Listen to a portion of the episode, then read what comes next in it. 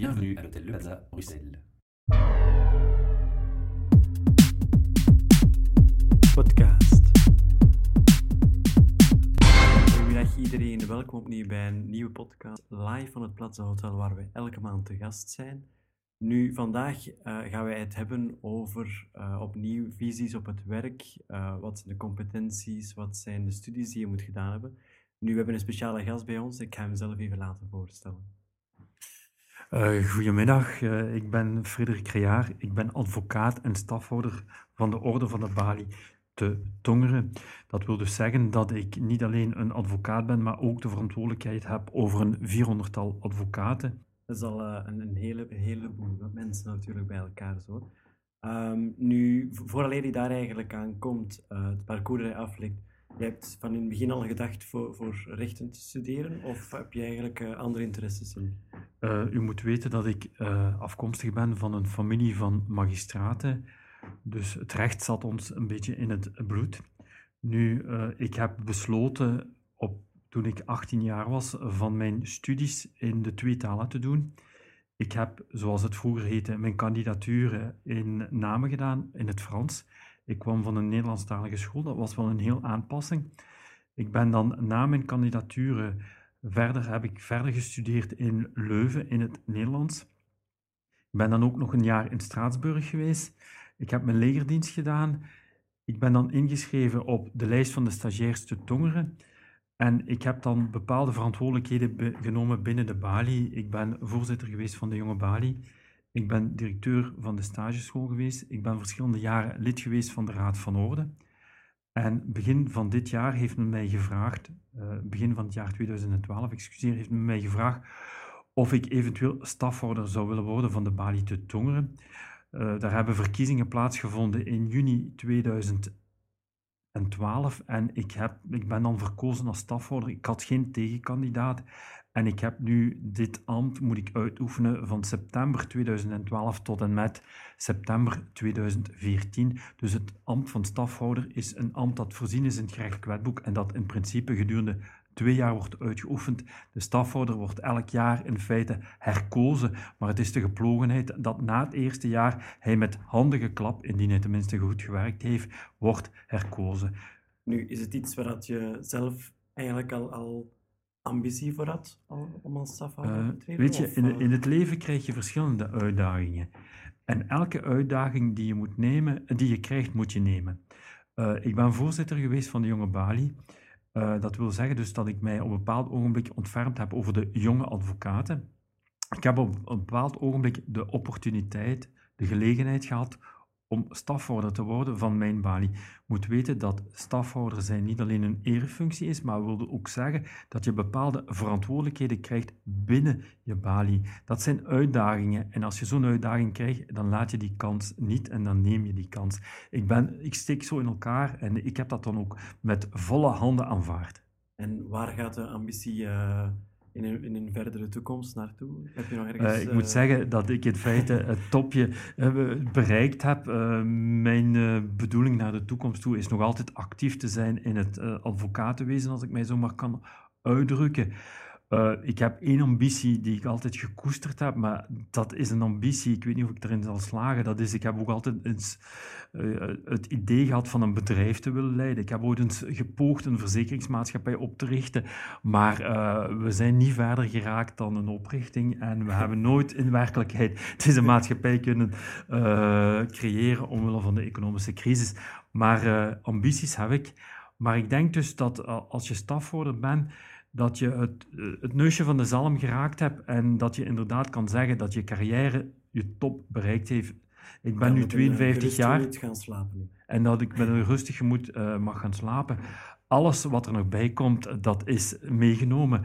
Maar ik ben alleszins heel tevreden en een gelukkig man. Nu, we hebben uh, het parcours gezien van de studies die u gedaan heeft.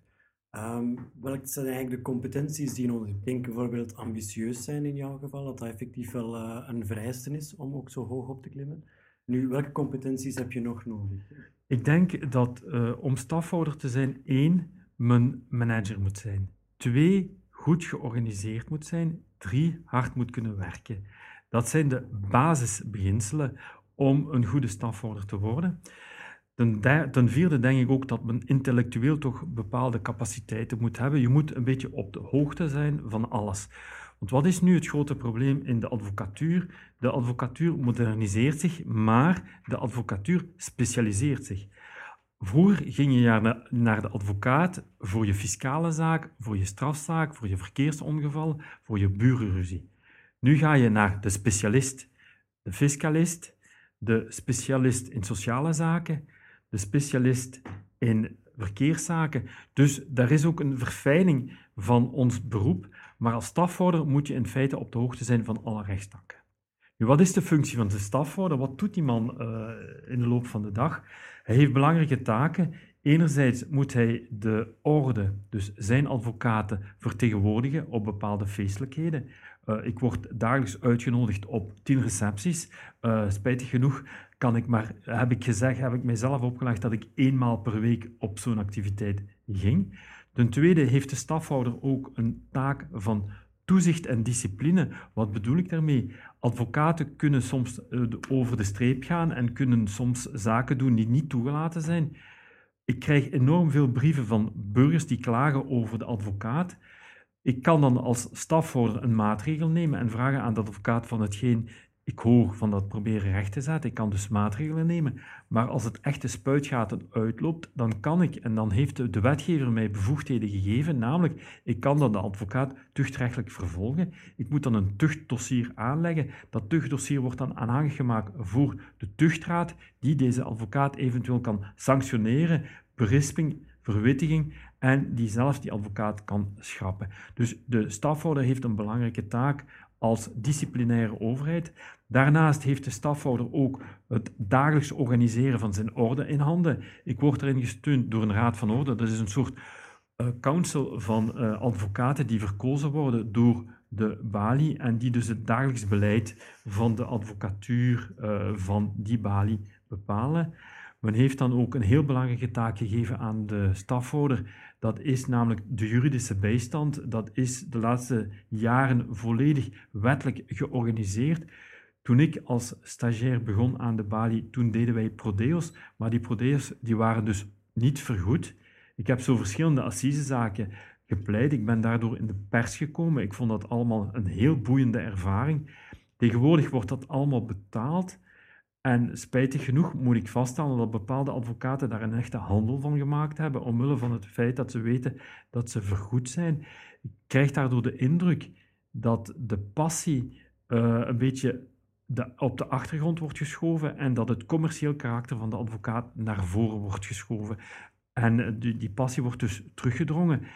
En zoals ik meestal zeg, en ik heb dat ook aan alle jonge advocaten gezegd tijdens de openingsrede van onze balie, dat is een jaarlijks event dat plaats heeft bij de opening van het gerechtelijk jaar, dat advocaat zijn een passie moet zijn en als je dat niet hebt, dan moet je ermee stoppen. U, u hebt natuurlijk een hele grote carrière gemaakt. Ehm, ja, is, is dat wat u nog het meest bijblijft? Het, het- het prodeo-werk dat u in het begin gedaan heeft? Of, of Eh. toch liever de, de stafhouder? eh? Eh, Stafhouder is een uitdaging en met- als stafhouder kom je in contact met kwaliteitsmensen.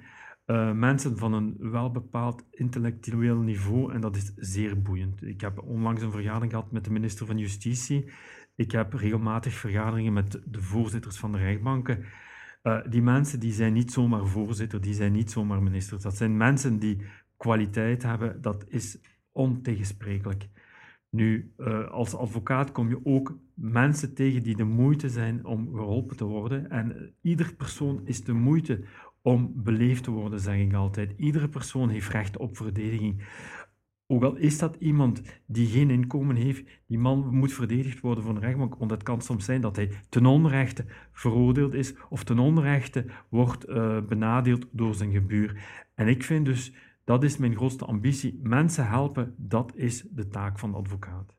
Nu, het grote voordeel aan, het beroep van advocaat, eh, wat zijn zo wat de voordelen die je kan, kan opnemen? Eh, je bent een actor in justitie, met als gevolg dat je op een bepaald ogenblik een, een, een belangrijke rol kunt spelen in justitie en dat je mensen kan helpen door hen te verdedigen. Een belangrijke rol voor de advocaat bestaat er dus in van die mensen zo goed mogelijk te helpen. En ten tweede, als justitie op bepaalde punten faalt, dan kan je vragen aan justitie van te verbeteren en van de zaak uh, recht te zetten. Ik heb u gezegd, op een bepaald ogenblik uh, is het Prodeo-systeem volledig in vraag gesteld geweest. Waarom? Men heeft vastgesteld dat iedereen die in feite beroep wou doen op een Prodeo-advocaat de weg niet kende naar het Prodeo-bureau. En men heeft dus dat allemaal geïnstitutionaliseerd en gereglementeerd. En dat ten voordele van de rechtsonderhorigen.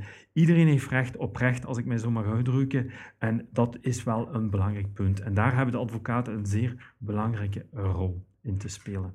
Nu, ja, we hebben net de, voordelen van het beroep. Je hebt natuurlijk ook een andere kant, de nadelen. Ja, de nadelen van het beroep zijn de volgende. Ik ben dus advocaat, ik ben zelfstandige, vrij beroeper. In principe zou dat willen zeggen dat ik kan bepalen wanneer ik eh, mijn vrije tijd wil nemen. Wel, dat is iets wat heel moeilijk is. Het beroep van advocaat is een stresserend beroep. Het beroep van advocaat is ook een beroep dat een bepaald management vraagt. Ik heb een advocatenkantoor met zes, zeven medewerkers. Uh, ik ben de hele dag bezig met het management en ik ben nog heel weinig bezig met het juridische. Ik krijg op mijn kantoor enorm veel brieven te verwerken, maar het echt juridisch werk, dat vertegenwoordigt nog maar 10%. Daarnaast hebben wij als advocaten en als zelfstandigen ook enorm veel fiscale verplichtingen, boekhoudkundige verplichtingen, sociaalrechtelijke verplichtingen. Dat is allemaal ballast dat het werk moeilijk maakt. Dat zijn ook zaken waar bepaalde advocaten niet goed in zijn. Een advocaat krijgt een juristenopleiding, geen managementopleiding. En als stafhouder heb ik gemerkt dat bepaalde advocaten totaal gedesoriënteerd zijn en niet georganiseerd zijn met fatale gevolgen. Ik moet als stafhouder vaststellen, bepaalde advocaten in feite moeten geholpen worden. En wij proberen dat te doen binnen onze orde. Er zijn bepaalde instellingen die binnen de advocatuur gecreëerd zijn geweest om die mensen te helpen. Maar ik moet toch zeggen, het loopt soms mis. Voor de beginnende studenten uh, of de mensen die net ook gaan afstuderen, uh, hebt u bepaalde tips? Uh, ja, ik, hoe, hoe pak ik, ik vind dat heel belangrijk, want die vraag wordt mij regelmatig gesteld. als jonge afgestudeerde moet je ervan uitgaan, één, de studies van de rechtenstudies zijn niet gemakkelijk. Uh, vroeger waren ze theoretisch, nu zijn ze al een beetje meer praktisch, maar uh, het blijven toch studies waar je enorm veel studie aan moet besteden. Ten tweede, als je als uh, jong afgestudeerde denkt dat je het weet, dan ben je totaal mis. Ik herinner mij mijn eerste zitting voor de rechtbank.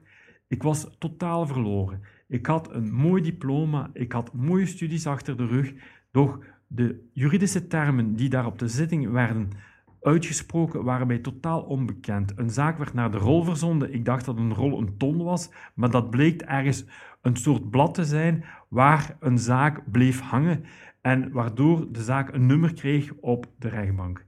Dus ik denk dat je als jonge afgestudeerde vooral niet moet denken dat je het weet, want je hebt nog alles te leren vanaf het ogenblik dat je inschrijft als advocaat. Wat moet je leren? Eén, de praktijk. Dat is heel belangrijk. Je rechters kennen en je cliënteel kennen. Want dat is ook belangrijk. Je moet soms voorzichtig zijn met je cliënteel, want je cliënteel kan je beste vriend zijn, maar ook je grootste vijand. Uh, met de nieuwe met de jeugd die eraan komt, uh, komt natuurlijk ook de technologie, uh, innovaties, zoals het vandaag de dag ook wereldwijd in, in, elk bedrijf wordt toegepast. Is dat ook bij justitie zo, dat de nieuwe technologie zijn, zijn mars kent? Ik vind het heel fijn dat u mij daarover ondervraagt, want bij justitie is dat een echte catastrofe. We hebben enerzijds moderne advocatenkantoren die met de meest moderne software en met de meest moderne hardware werken. En daarnaast hebben wij enerzijds magistraten die helemaal tegen de moderniteit zijn en anderzijds een juridische infrastructuur, infrastructuur die totaal uh, verouderd is. Men heeft geprobeerd vanuit het ministerie van Justitie uh, justitie te informatiseren, het juridisch digitaal dossier in te voeren. Dat is uitgelopen op een fiasco. Men heeft dat het Phoenix-project uh, genoemd. En dat is dus totaal verkeerd afgelopen. Men heeft enorm veel geld besteed aan studies, maar men, men heeft dus niets bekomen.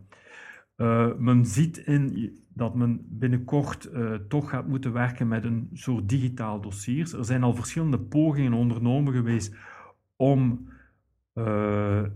geïnformatiseerd te werken, maar het blijft bij pogingen. Recentelijk heeft het Hof van Beroep te Antwerpen de advocaten toegelaten van besluiten. Dus dat wil zeggen juridische argumentaties neer te leggen per e-mail, evenals stukken. Kreeg als stafhouder een schrijven van de eerste voorzitter van het Hof van Beroep te Antwerpen en van de eerste voorzitter van het Arbeidshof dat we voorlopig niet de stukken moeten overmaken in PDF-bestanden, omwille van het feit dat die servers niet sterk genoeg zijn om dat allemaal te slikken. Met andere woorden, er is nog heel veel te doen binnen justitie. Als men zegt dat er geen vertrouwen is in justitie, dan zeg ik één, de rechters zijn kwalitatief, denk ik, goed. Maar het grote probleem is, er zijn te weinig middelen. Wilt men erin slagen van terug vertrouwen te krijgen in justitie en de burger meer te doen geloven in justitie, dan zal men ervoor moeten zorgen dat een proces binnen een redelijke termijn wordt afgehandeld. Het is onaanvaardbaar dat voor het Hof van Beroep te Antwerpen, men, uit uh, Brussel, men meer dan vier à vijf jaar moet wachten op de behandeling van zijn zaak. Dit geeft de indruk dat de rechtbank de zaak in een doofpot wil steken. Wilt men het vertrouwen van de burger herwinnen in justitie, dan zal men ervoor moeten zorgen: één, dat er middelen ter beschikking zijn, en twee, dat een zaak in maximaal twee jaar beroep inbegrepen wordt afgehandeld. Anders gaat men er nooit komen. Nu, we proberen altijd de podcast zelf te beperken tot een kwartier, twintig minuten. Ik denk dat we nog een, tijdje kunnen doorgaan. Nu, om even kort af te sluiten, uh, hoe ziet een dag in het leven van eruit? Het leven van een advocaat is in feite vrij boeiend, maar het blijft een, een zwaar uh, werkdag. Je begint s morgens om acht uur. Vroeger was het zo dat je de post kreeg via de postbode en nadien, twee uur later, via aangetekende post, nogmaals via de postbode. Tegenwoordig is het zo dat je de post krijgt, de privépost, de aangetekende post, de e-mail, de fax, de postbedeling via de rechtbank. Dus dat zijn allemaal wegen die het mogelijk maken de advocaat te bereiken op zijn advocatenkantoor. U moet weten dat advocaten veel schrijven en dat er dus veel administratief werk is. Het verwerken van de post, en ik heb daar juist ook al aangehaald, is een belangrijke taak van de uh, advocaten. Maar daar kruipt dus 80% van de werktijd in. Nadien moet je die post bewerken, verteren en dan ontvang je je cliënten. Je cliënten daar kan je minstens, daar moet je enorm veel tijd aan besteden, omdat ze moeten je het hele verhaal vertellen van hun zaak, maar je moet daar de essentie van distilleren en dat is niet altijd eenvoudig. Dan moet je niet vergeten dat je ook zanderendaags zaken moet gaan pleiten voor de rechtbanken. En vandaag ben ik een zaak in Brussel komen pleiten. Dat wil zeggen dat ik vertrek om half acht morgens en dat ik zo rond een uur of tien op de rechtbank ben. Dat wil zeggen dat ik mijn zaak gedurende een uur pleit. En dan ben ik terug rond een uur of één. Dus ik heb al enorm veel vertraging in mijn werkschema. Met andere woorden, het vraagt heel veel tijd en in feite zijn de verdiensten niet in verhouding tot de energie die u, die u eraan besteedt. En tenslotte, wat er ook uh, vervelend is voor een advocaat, dat is, en ik heb er iets aangehaald, dat wij enorm veel bijkomende taken hebben, zoals fiscaal moeten wij volledig in orde zijn, boekhoudkundig moeten wij volledig in orde, sociaalrechtelijk moeten wij volledig in orde zijn. Dus het blijft een belangrijke, uh, voor, de, voor de advocaat is een werkdag een dag niet van acht uren, en niet, uh, een, geen job van 9 tot 5, maar een job van 9 tot middernacht. Bedankt voor uw komst vandaag. Uh, ik zou zeggen voor alle mensen die aan luisteren zijn en die ook bijkomstige vragen hebben, geef maar een seintje. Um, en dan gaan we je uiteraard ook alles laten.